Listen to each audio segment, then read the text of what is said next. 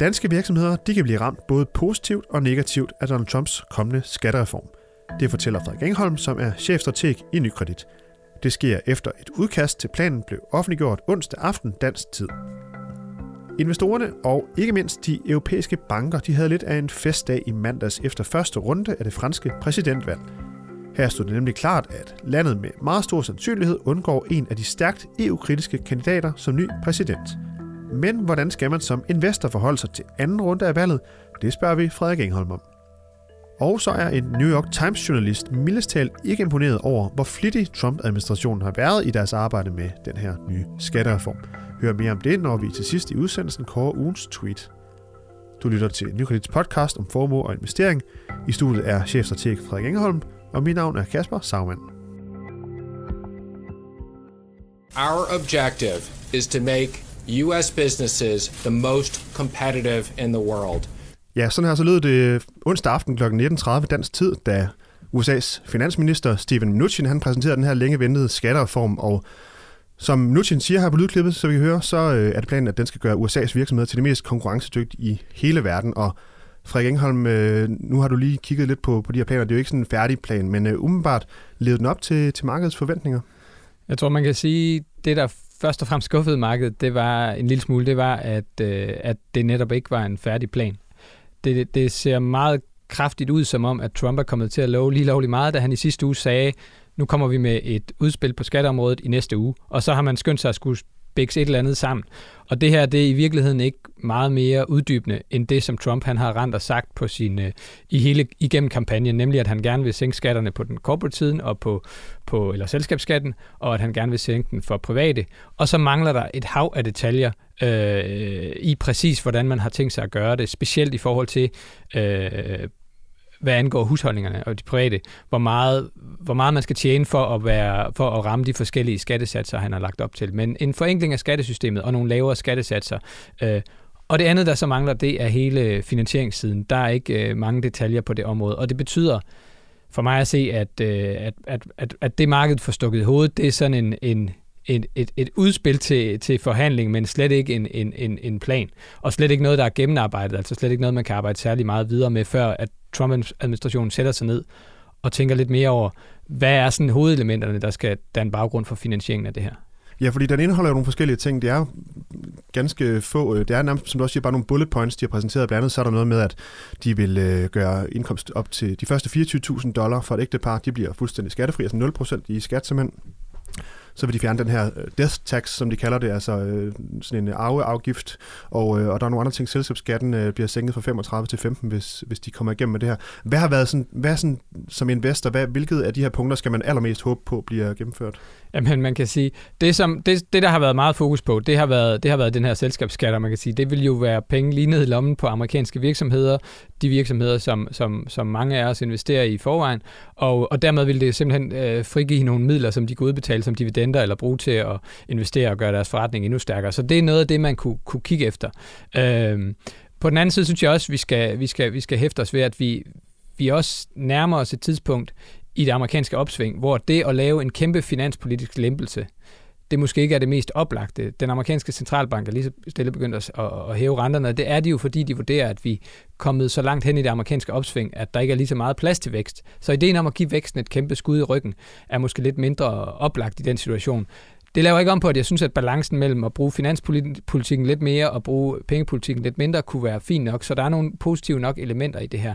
Men jeg er ikke sikker på, at det er den rigtige måde at gøre det på, øh, sådan samlet set. Og, og så vil jeg sige, så udstår der rigtig mange spørgsmål stadigvæk. Men der er ikke nogen tvivl om, at selskabsskattedelen, det er forventet. Det er en del af det, som har hjulpet med at give aktier et løft i det hele taget. Jeg tror stadig, der kommer noget igennem. Jeg tror ikke, det bliver helt lige så aggressivt som det, der er lagt op til her. Men hvad, det er, hvad tror du, det ender med, hvis det ikke bliver 35 til 15? Ja, det synes jeg er meget svært at sige, for det, ender, det afhænger også af, hvad for nogle andre ting, man er villig til at gå, gå, gå, give køb på. Jeg ved ikke, hvad der er vigtigst for Trump. Han har slået sig op på at være en, en erhvervsmand, så jeg vil tro, at selskabsskatten egentlig nok er et vigtigere spørgsmål for ham, end det at sænke personskatterne, øh, eller indkomstskatterne for, for almindelige private mennesker, altså arbejdstagere. Øh, og bare lige for en indskudt bemærkning, den her amerikanske selskabsskat på 35%, det er simpelthen også en af de allerhøjeste selskabsskatter i hele verden. Øh, og, og hvad hedder det, hvis den kommer ned på 15, så vil de så være den næst laveste i hele OECD. Det, det er jo virkelig en, en mærkesag for Trump som erhvervsmand, som du også siger. Ja, ja, og helt klart, og det vil være noget, der kunne gøre USA mere konkurrencedygtig, og så kan man lægge oven i det, at man gerne vil gøre noget mere for at gøre det sværere for andre lande at sælge varer i USA, så man gør en, man, man kan sige, man gør en masse ting på den måde for at gøre det nemmere at være amerikansk virksomhed, og dertil kommer noget deregulering, der, der fjerner en masse regler for dem, som måske også fjerner noget beskyttelse for miljø og forbrug og alt muligt andet, men det laver ikke om på, at Trump gerne vil gøre det nemmere at være virksomhed i USA, og det har så nogle, nogle kan man sige, direkte positive effekter på den ene side, og så måske nogle samfundsmæssige lidt problematiske effekter, måske andre steder, øh, blandt andet på miljøområdet. Og altså, vi har jo en masse danske virksomheder, som også er meget aktive i USA, Novo Nordisk og Vestas, kan vi nævne blandt andet.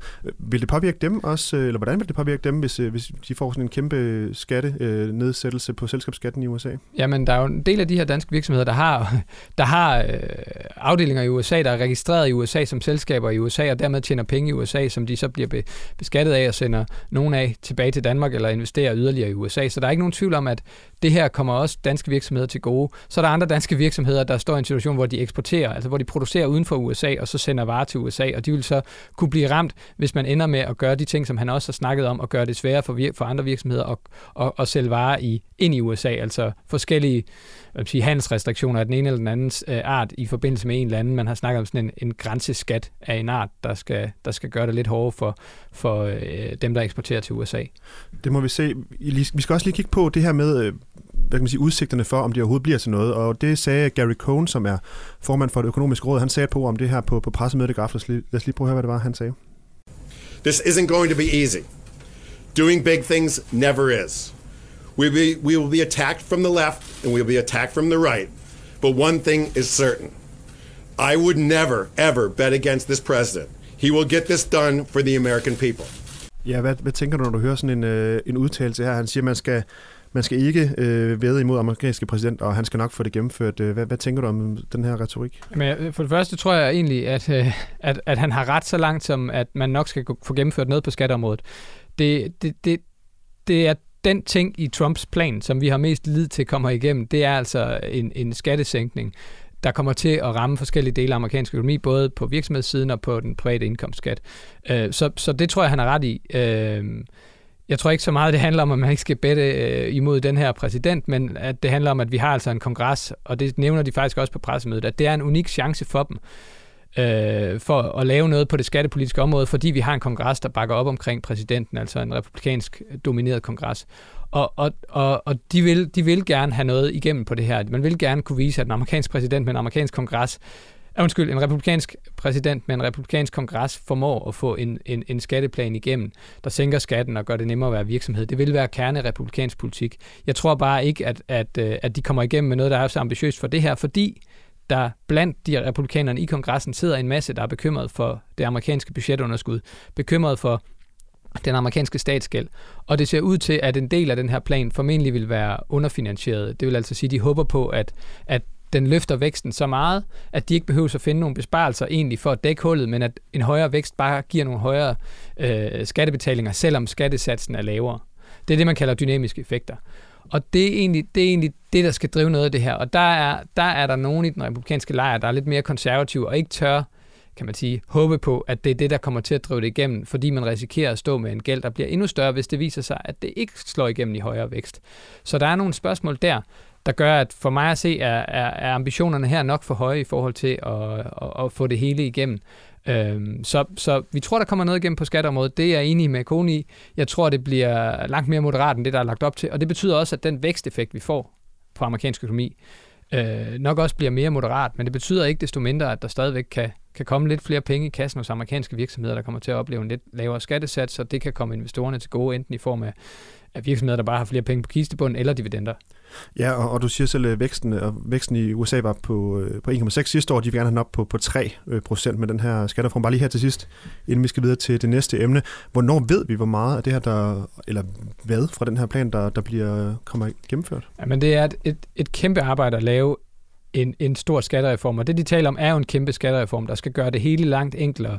Øh, forenkle reglerne, sådan at man på et papir, øh, siger de, kan, kan udfylde sin skatte, sin, øh, sin, øh, sin selvangivelse, i stedet for at skal bruge et hav af dokumenter og et hav af, og en tyk vejledning til at komme igennem det. Og, og den slags, den, den lovgivning, der ligger bag, det er 75.000 sider. Det er altså ikke noget, man bare lige sådan gør. Det er en masse lovtekst, der skal skrives om, forhandles igennem. Og en enkelt skatte øh, plan, som de gerne vil have en enkelt, en enkel skattelovgivning. Den er svær at lave, fordi der jo netop er mange forskellige ting og mange huller i, i, i osten, man skal lappe her og der, og det er det, der gør, at vi normalt kommer op på et, et kæmpe antal sider. Så det er slet ikke nogen nem øvelse, og det tager lang tid, og derfor så tror vi, Tidligere har man jo lovet fra administrationens side, eller tidligere sagde man, at man nok regnede med at have noget klar i foråret. Så Minushin, øh, finansministeren, var ude at sige for en måneds tid siden, at man regnede med august. Nu har han for nylig sagt, at det bliver nok i år. Jeg tror mest realistisk, så bliver det aller, aller sidst i år, og måske endda først i 18, det vil sige væksteffekten, kommer altså til at ligge på den anden side af det. Men mindre folk selvfølgelig allerede tør bruge penge, de er blevet lovet af, af, af Trump på nuværende tidspunkt, men det tvivler jeg lidt på, fordi han har altså vist allerede, at han ikke har så nemt ved at få alting igennem, som man måske lige havde, øh, han måske selv lige havde tænkt. Ja, Frederik, så skal vi også videre til det franske valg, som jo var her øh, første runde, var i, øh, i søndags. Og øh, ja, det var lige før jeg overvejede at tage croissanter med, men det bliver måske lidt øh, irriterende at høre på her i, øh, i podcasten. Men det vi skal kigge på, det var jo, at det var Macron og Le Pen, som gik videre til anden runde, og det var jo øh, umiddelbart en god nyhed. Øh, det vi så, det var, at øh, en, en række bankaktier især virkelig øh, havde en festdag og steg helt op til 10% nogle af de allerstørste franske banker. Øh, giver det mening, at de stiger så meget? Det er altid meget svært at sige, om det lige skal være 8, 10 eller 12 procent, men det, at bankaktier er blevet lettet, det er ret oplagt. Det har vi også øh, lagt op til det, vi havde skrevet inden, at, at det er nogle af, af, af de aktier, der er mest eksponeret mod den risiko, at vi skulle til at forholde os til, eller til at, til at overveje, om det var sandsynligt, at Frankrig ligefrem kunne ryge ud af euroen, eller i hvert fald måske kunne være på vej hen mod at, de, at skulle lave en afstemning om, om eurospørgsmålet, eller, eller hele EU. Øhm, og det er jo det, Le Pen har, har, har flyttet lidt med Mélenchon i mindre grad, men, men han har også vist kritik omkring det her, altså venstrefløjskandidaten Mélenchon. Øhm, men det har været Le Pen, markedet har fokuseret meget på, øhm, og man kan sige, det der var frygtscenariet, det var jo, at, at Mélenchon fra venstrefløjen, Le Pen fra højrefløjen, skulle, skulle vinde i første runde, og der, der kunne man sige, få dage inden valget, der, der var meningsmålingerne faktisk så tæt. Alene den usikkerhed, der var knyttet til målingerne, var nok til at, og kan man sige, kunne sende alle fire af de førende kandidater videre. Og det vi var bange for, det markedet var bekymret sig om, det var, om man kunne risikere at stå med Le Pen og Mélenchon i, i anden runde, og dermed at det her eurospørgsmål øh, virkelig var, var, var, var, øh, var på spil stadigvæk. Og i og med, at man kan skyde det til hjørne, så, øh, så, så skal bankerne blive lettet. Det er bankerne, der vil blive allerhårdest ramt af, at man lige pludselig skiftede sin valuta. De er jo fedtet ind i transaktioner i, øh, i euro, og, og hvis man lige pludselig skulle have et nyt pengesystem i Frankrig, så ville det være noget, banksystemet kunne knække under. Så der er ikke nogen tvivl om, at lettelsen skal være størst. Det er helt naturligt i, i banksystemet. Og derefter i aktier, der sådan er, er, er de mest cykliske, altså dem, der er mest følsomme over for vækst. Og det er så industriaktier og sådan nogle ting, som også tog det største hug. Og så mere defensive ting, som sundhedsaktier og den slags, de, øh, de havde det lidt, lidt, mere, øh, lidt mere beskedent den dag. Ja, og hele det franske førende indeks, øh, det der svarer til det, danske C20, det steg også 4,1 procent, og det er jo også ret meget på en dag, kan man roligt sige. Nu er der jo anden runde her den, den 7. maj. Øh, hvordan, hvad skal man som investor gøre for, ligesom hvis man, kan man drage fordel af den her runde, øh, anden runde på en eller anden måde, afhængig af, hvad man selvfølgelig tror på? Altså, der er jo stadigvæk en lille usikkerhed forbundet med, med anden runde.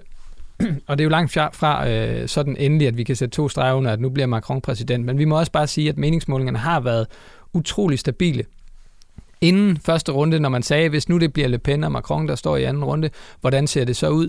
Der har han hele tiden stået til at få øh, sådan mellem 60 til 65 procent af stemmerne mod Le Pen, og hun har altså stået til at få 40 til 35. Og den marken er meget stor, altså 20 procent point i forskel som minimum, og, og, og, og på, på nogle tidspunkter endnu mere. Det er altså en kæmpe marken at have. Øh, så, så vi kan sige, og, og det har været meget stabilt. Vi har ikke på noget tidspunkt været under en opbakning til, til Macron på de her, på de her 60 procent øh, af, af, af vælgerne. Øhm, og det er jo det mønster, vi plejer at se. Vi har snakket om det før, at, øh, og vi så det endda på, på valgaften, at, øh, at de andre sådan mere moderate politiske kandidater, Fillon og Amon, var ude at sige, jamen stem nu på Macron, først og fremmest fordi det Le Pen repræsenterer, det er, det er potentielt set et, et, et, et kaotisk, øh, en, en kaotisk fremtid, som vi ikke har lyst til at eksponere for. Så derfor så bør I stemme på ham her, der ellers har været vores modkandidat.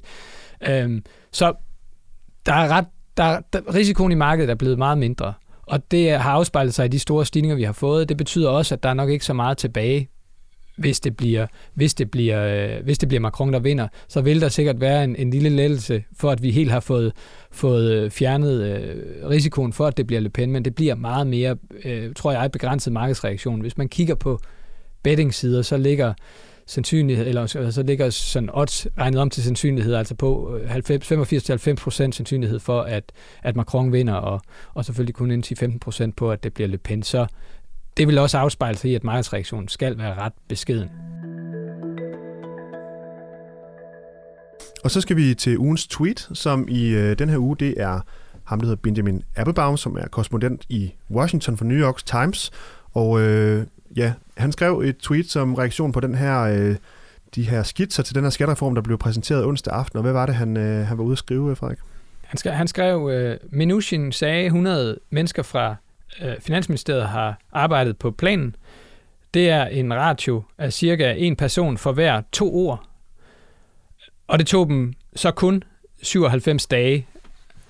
Så han, øh, han laver lidt sjov med, at, at den her plan den øh, er meget, meget, øh, hvad kan man sige, øh, spinkel. Ja, jeg tror, det hedder 227 ord er der i det her, og, og, og nærmest stillet op som bullets i den her pressemeddelelse, som, som man sender ud. Og de fleste siger, at det er en pressemeddelelse. Det er, en, det er ikke en plan. Normalt, når man laver sådan en pressemeddelelse, så følger der sådan en, en, en, en, en, en tungere plan bagved, man så kan rekvirere og læse nogle flere detaljer. Det gjorde der altså ikke. Så, så de gør lidt grin med, uh, med at, uh, at det er ret tyndbenet, det de, det de her to herrer fra uh, tidligere Goldman Sachs-folk skal stå og præsentere. Jeg tror heller ikke, de har været glade for at stå i den situation med et relativt tyndbenet program, og sådan mest skulle lovprise, hvor god uh, Trump var, hvor, nok, hvor meget han nok skulle kunne få noget igennem. Og så synes jeg, man kan hæfte sig ved det her med, at det tog dem 97 dage. For mig ligner det meget, at Trump utrolig gerne vil levere et eller andet inden de første 100 dage, så han ligesom kan sige, nu har jeg også leveret et udspil til en skattereform de fleste vil bare hæfte sig ved, jamen det her det er ikke et udspil. Det er nærmest bare det, du sagde under valgkampen. Så har I skrevet det ned i nogle bullets og skrevet nogle enkelte tal på her og der, men I har jo ikke regnet på noget, for det er stadig så ukonkret, så man faktisk ikke rigtig kan regne på noget. Det er også det, man får, hvis man kigger sådan rundt på forskellige, øh, forskellige konsulenthuse og andre, der ligesom prøver at sige, jamen, hvad koster det her, så svinger tallene helt vildt, fordi det er så ukonkret. Yes, vi må se, om de kommer frem med noget mere konkret. Må ikke de gør det, og så kigger vi selvfølgelig på det her i podcasten. Tak fordi du kom i hvert fald, Frederik Engholm. Du har lyttet til Nykredits podcast om formue og investering. Du kan følge podcasten hver uge på nykredit.dk og på iTunes, SoundCloud, Stitch og TuneIn. Du kan også følge Frederik Engholm ind på Twitter. Tak fordi du lyttede med.